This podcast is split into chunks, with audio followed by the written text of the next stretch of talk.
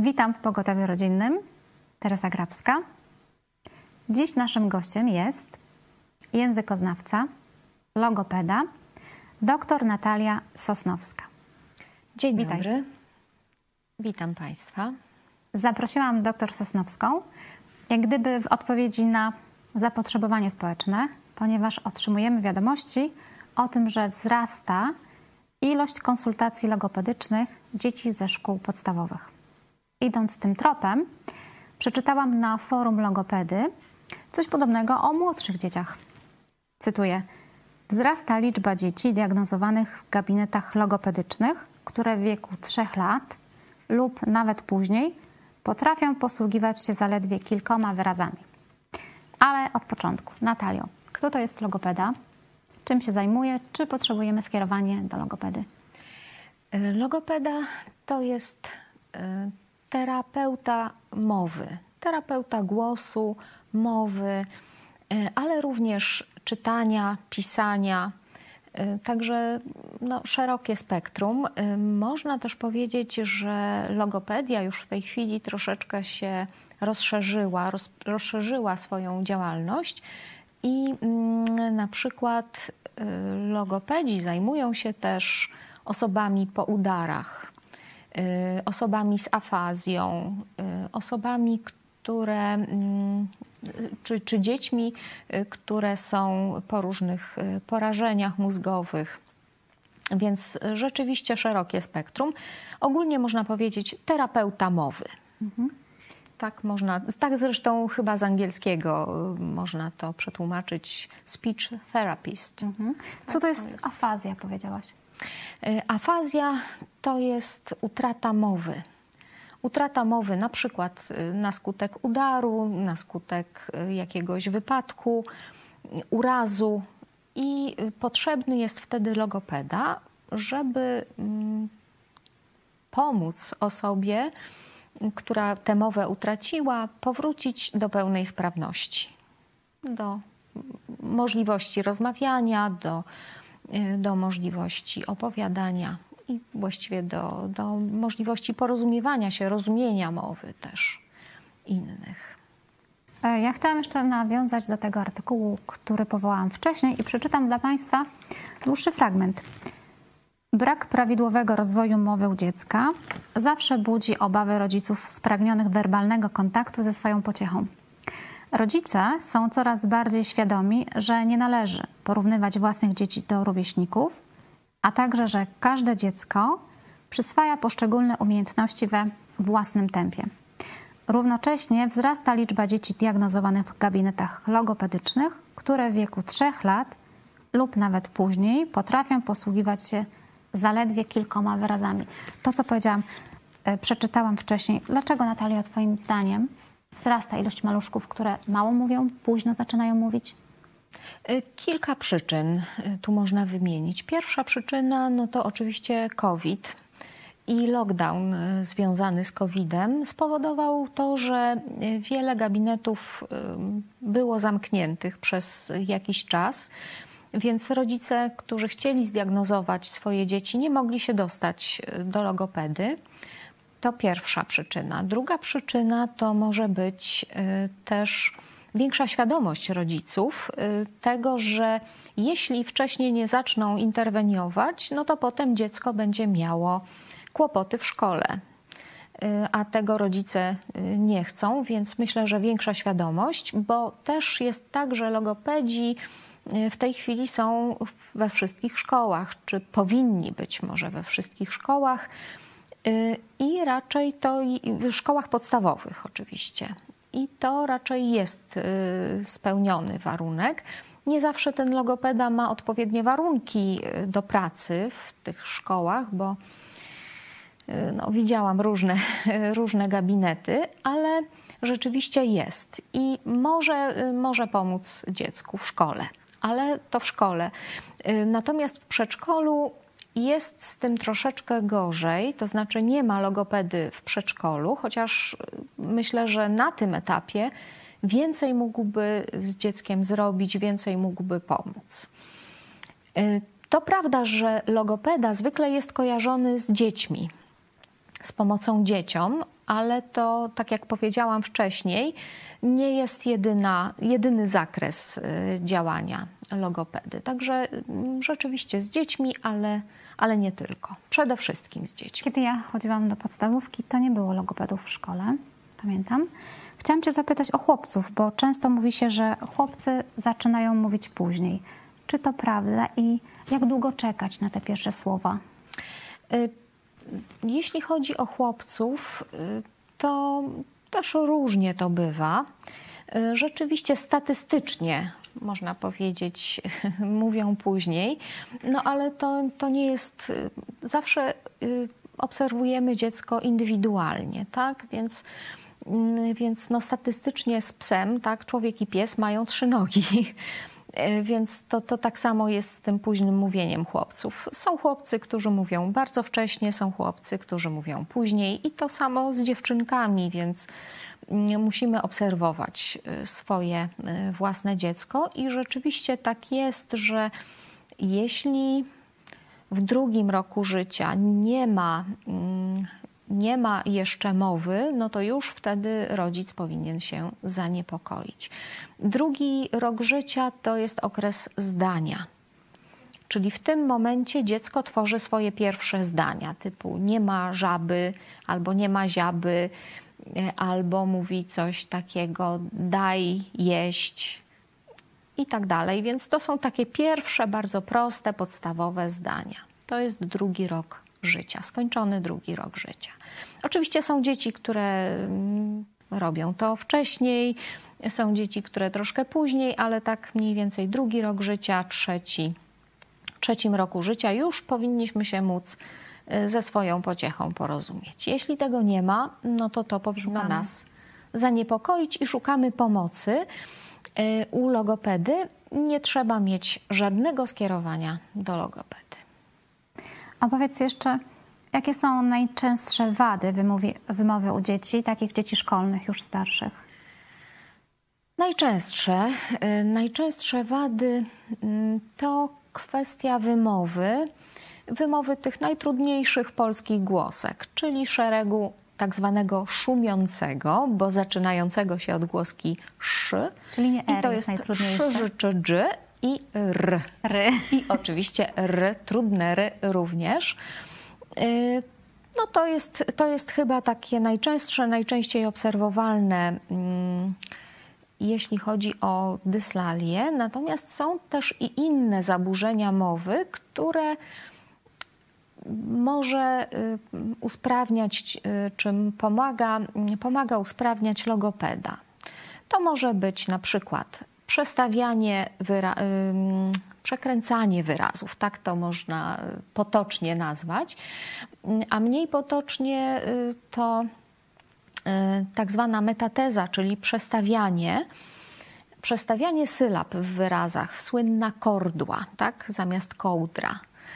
Y, więc przestawianie, zamienianie liter, zamienianie sylab i tak dalej. To, to też są powody, z którymi można się udać y, do logopedy, bo to wpływa potem na czytanie u dziecka. Y, no i trudności w czytaniu i pisaniu to u dzieci szkolnych y, wręcz plaga teraz, tak zwana dysleksja, dysortografia czy dysgrafia, czyli brzydkie pisanie, takie nieczytelne pismo. Ale też e, kiedy dziecko niewyraźnie mówi, sepleni czy jąka się, może być też źle zrozumiane i tak. stresuje się dodatkowo. Tak, jąkanie się. Y, tu jeśli chodzi o mm, pierwsze problemy, które się pojawiają, kiedy dziecko zaczyna się zacinać, to ważna jest rola rodziców. Dlatego, że dobrze jest, jeśli rodzice w tym momencie nie poprawiają dziecka czyli nie każą mu, a powtórz jeszcze raz, a zrób to tak czy inaczej. Nie. Wtedy dobrze jest sparafrazować dziecko, czyli powtórzyć to, co ono mówi w poprawny sposób. Y, można to wpleść do własnego zdania, na przykład, y, kiedy dziecko mm, zaczyna się zacinać, na przykład mówi ta, ta, ta, tamto okno, mówi coś takiego, to wtedy rodzic y, spokojnie puszcza to mimo uszu, nie każe dziecku jeszcze dodatkowo się stresować przy tym y, powtarzaniu, tylko powtarza sam, a mówi, a które to okno tamto?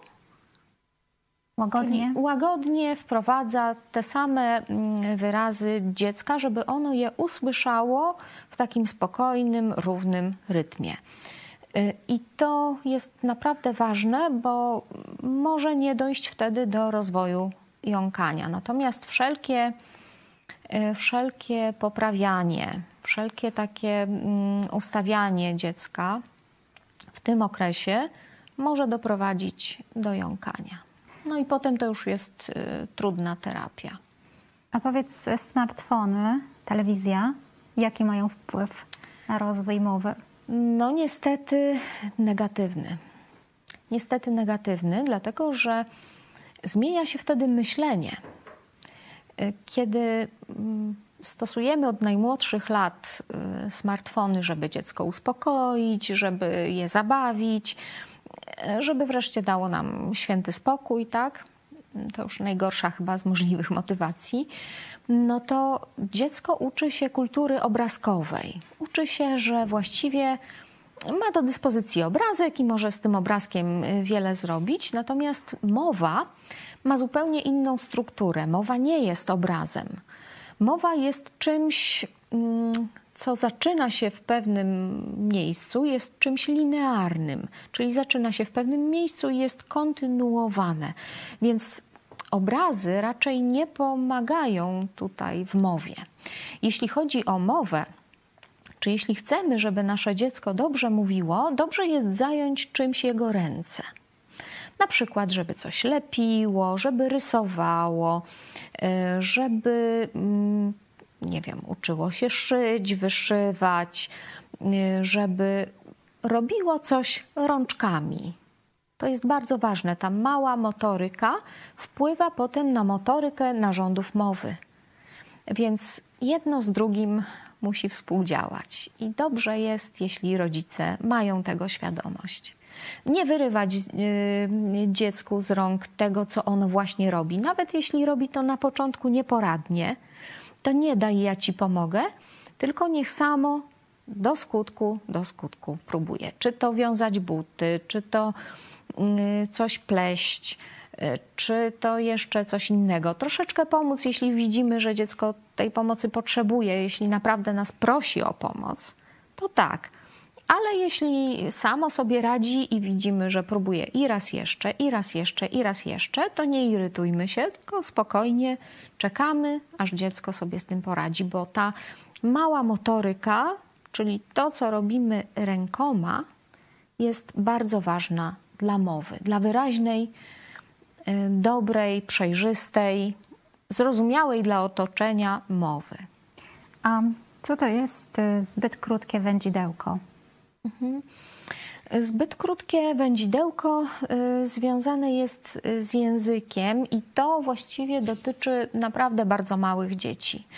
Czy powinno być diagnozowane przez lekarza tak naprawdę? Pediatrę. Nie, tak, pediatrę, nie logopedę, y, tylko przez lekarza pediatrę i to lekarz powinien skierować takie dzieciątko na mm, na przedłużenie, znaczy na, na, na podcięcie tego wędzidełka, bo przedłużyć się tego nie da dosztukować, ale można podciąć.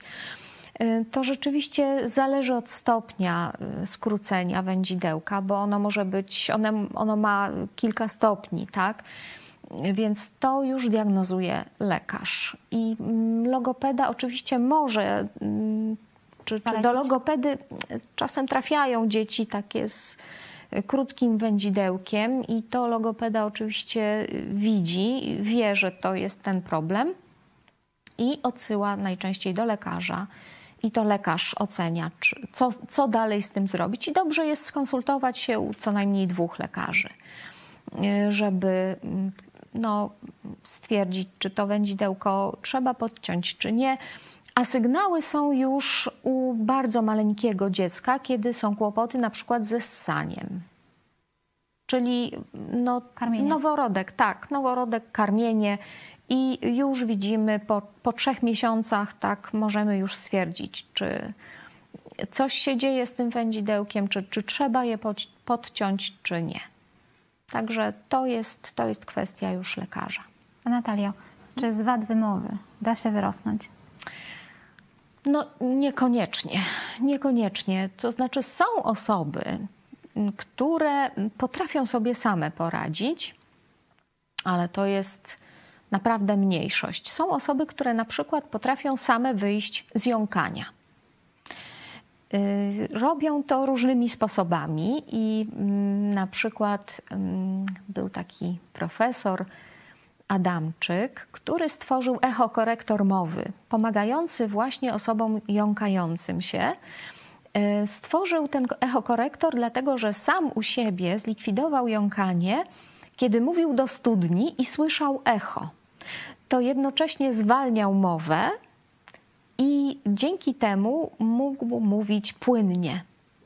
I mm, skonstruował potem już jako fizyk, mm, y, skonstruował taki echokorektor mowy. Pomoc dla innych. Tak, pomoc dla logopedów y, i ten echokorektor jest do dziś wykorzystywany. Także są osoby, które potrafią sobie same poradzić i jeszcze pomóc innym. innym. Tak. Ale powiedz, y, jakie mogą być konsekwencje zbyt późnego zgłoszenia się do logopedy? No, mm, zwykle jest tak, że jeśli wada jest mniej utrwalona, no to wtedy łatwiej ją skorygować. Natomiast jeśli wada się utrwala przez mówienie, yy, przez mówienie dłuższe, w taki wadliwy, niepoprawny sposób, no to yy, dłużej trwa y, korekta tej wady no bo człowiek już jest przyzwyczajony. Co prawda, łatwo jest wywołać na przykład jakąś głoskę u mm, osoby, mm, która chodzi do logopedy, tak? Na przykład ktoś nie wymawia szy. Więc wy, mm, wywołanie tego szy nie jest takim wielkim problemem. To może być już na pierwszym spotkaniu z logopedą, ale problemem jest utrwalenie tego szy y, w różnych wyrazach, zdaniach, w mowie w mowie takiej codziennej. Państwo, nasi widzowie, jesteście tak zwaną też Polonią i macie dzieci dwujęzyczne. Zapytam Ciebie, Natalio, czy warto, mieszkając za granicą, mówić do dziecka w języku ojczystym, polskim? Jak najbardziej. Jak najbardziej. Jeśli chcemy, żeby dziecko mówiło w języku polskim, to musimy konsekwentnie po polsku do niego mówić. Y, I rzeczywiście to czasem jest problem y, dla rodziców, bo sami uczą się obcego języka i czasami jest im łatwiej pewne rzeczy wyrazić w języku obcym, ale wtedy dziecko ma chaos. Także dobrze jest, jeśli rodzice konsekwentnie używają języka polskiego w domu, bo języka obcego jakiegokolwiek, nie wiem, niderlandzkiego, czy angielskiego, czy jakiegokolwiek innego, dziecko nauczy się w szkole, czy obcując z rówieśnikami y, w przedszkolu. Także o to nie trzeba się tak bardzo martwić, bo dziecko sobie poradzi. Natomiast dobrze jest, jeśli wtedy w domu może mówić mm, w języku ojczystym. I teraz jeszcze może jedna sprawa, bo y, dotyczy to mm, małżeństw mieszanych, prawda? Bo jeśli oboje rodzice są Polakami, no to w domu mówimy po polsku, na zewnątrz. Tak? a na zewnątrz y, mówimy na przykład po angielsku. Ale y, co zrobić, kiedy na przykład ojciec y, jest innej nacji niż Polska, a matka jest Polką? Mm, czy odwrotnie, tak? Może być również odwrotnie, i wtedy można konsekwentnie zachowywać swój język. I dziecko, rozmawiając z ojcem, na przykład, który jest, y, nie wiem, Holendrem, tak, może wtedy konsekwentnie odróżniać ten język, jeśli będzie, będzie konsekwencja w używaniu tego języka, tak? Bo y, oczywiście może też tak być, i wtedy dziecko ma problem, kiedy mówi się. Y, taki sposób mieszany, czyli y, miesza się polskie wyrazy z angielskimi. To jest chyba częste. To jest niestety częste, tak, i, i to jest problem, ale faktycznie można, można dziecko nauczyć tylko tak, będąc konsekwentnym, czyli konsekwentnie w domu używając y, języka polskiego albo y, jeśli to jest mieszane małżeństwo, każdy z małżonków, y, mówiąc do dziecka, używa swojego własnego ojczystego języka. W taki sposób. To jest chyba najlepszy sposób uczenia dziecka, bo ono przez naśladownictwo wtedy nabywa tego języka i dla niego to nie jest dziwne. To nie jest nic dziwnego, że y, mama mówi w jednym języku, a ojciec y, w innym. No i tyle właściwie. Czy możesz jeszcze coś więcej powiedzieć, jak wspierać naukę języka polskiego za granicą?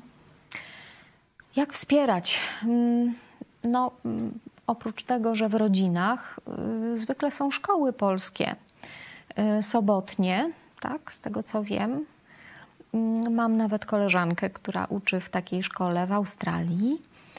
Y, I warto dzieci posyłać do takich szkół, bo mm, to prawda, że w domu nauczą się tego domowego języka, ale nie będą w stanie po polsku wyrażać treści, których uczą się dzieci w Polsce.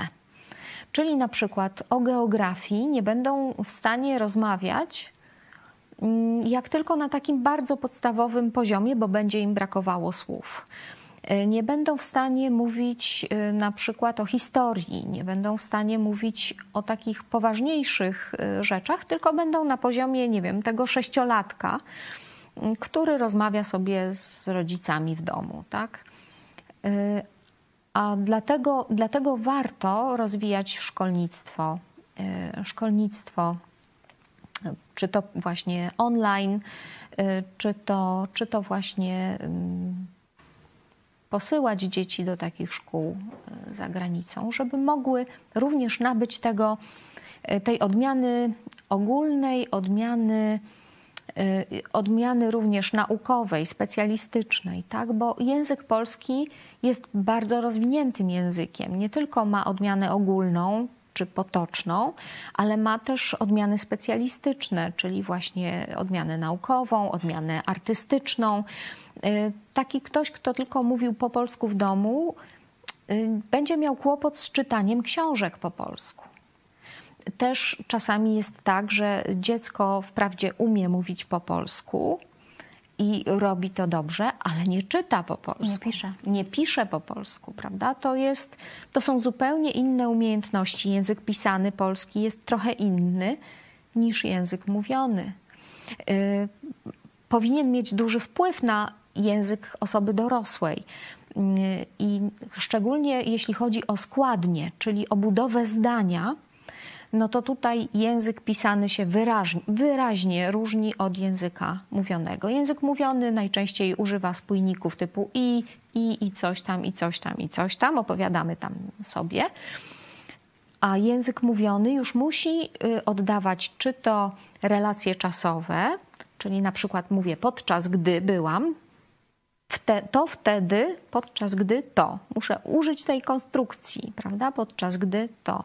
Albo wprawdzie, ale, tak? Czyli e, różnych konstrukcji, yy, których nie ma normalnie w języku mówionym.